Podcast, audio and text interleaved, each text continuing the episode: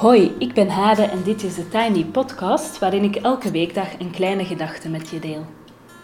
Vandaag is het vrijdag 27 maart 2020 en de kleine gedachte gaat over uh, een tekst die ik graag wil voorlezen.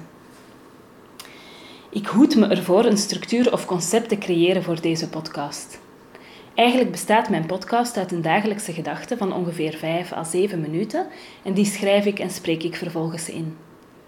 Maar ik vind van mezelf dat ik mag variëren. Zo wil ik graag ruimte geven aan een gastgedachte, dus als jij je 7 minutes of fame wil claimen, hoor ik het graag.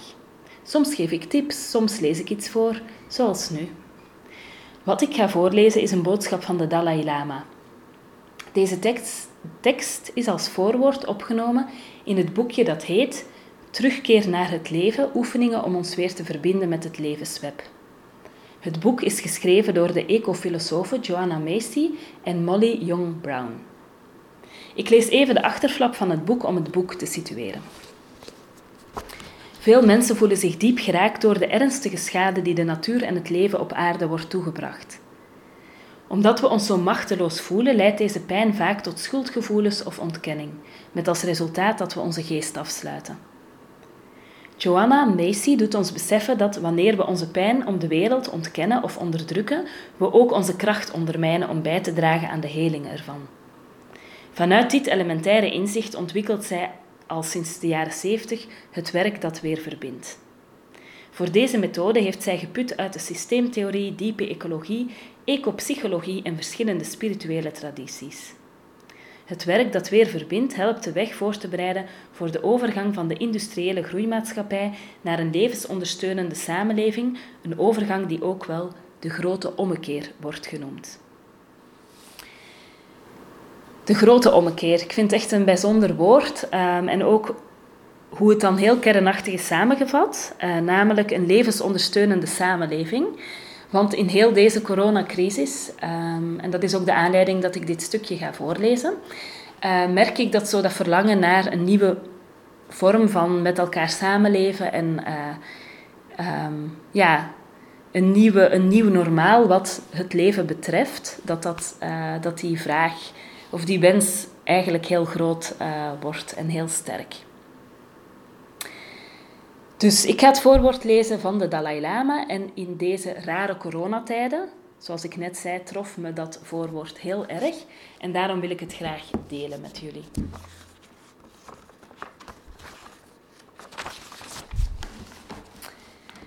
Het wordt ons allemaal steeds duidelijker hoezeer we in bijna alle aspecten van onze levens onderling van elkaar afhankelijk zijn. Toch schijnt dat weinig uit te maken voor de manier waarop we onszelf zien in relatie tot onze medeschepselen en ons milieu. We leven in een tijd waarin het menselijk handelen op wereldwijde schaal zowel een creatieve als destructieve kracht heeft ontwikkeld. Maar we hebben nog altijd niet een daaraan aangepast gevoel van verantwoordelijkheid weten te ontwikkelen. De meeste van ons zijn alleen begaan met mensen en eigendommen waarmee we een directe relatie hebben. We proberen natuurlijk onze familie en vrienden voor gevaar te behoeden.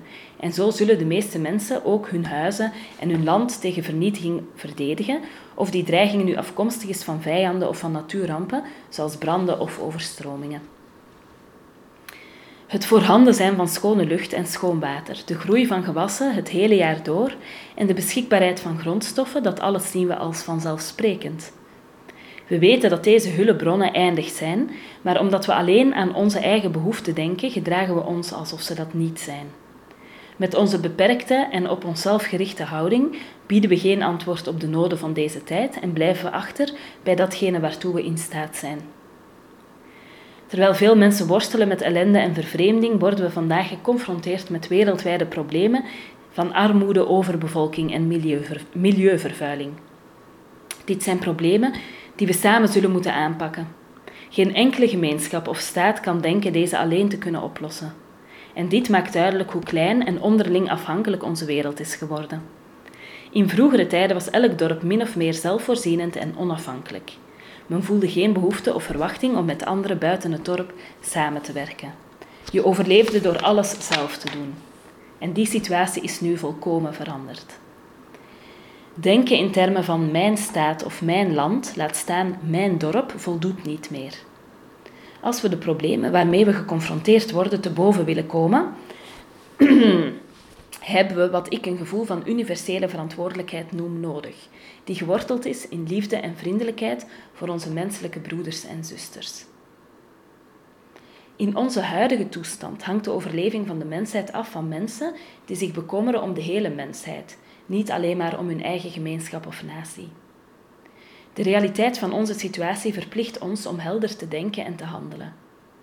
Kortzichtigheid en egocentrisch denken heeft ons in het verleden misschien veel opgeleverd, maar is in deze tijd rampzalig.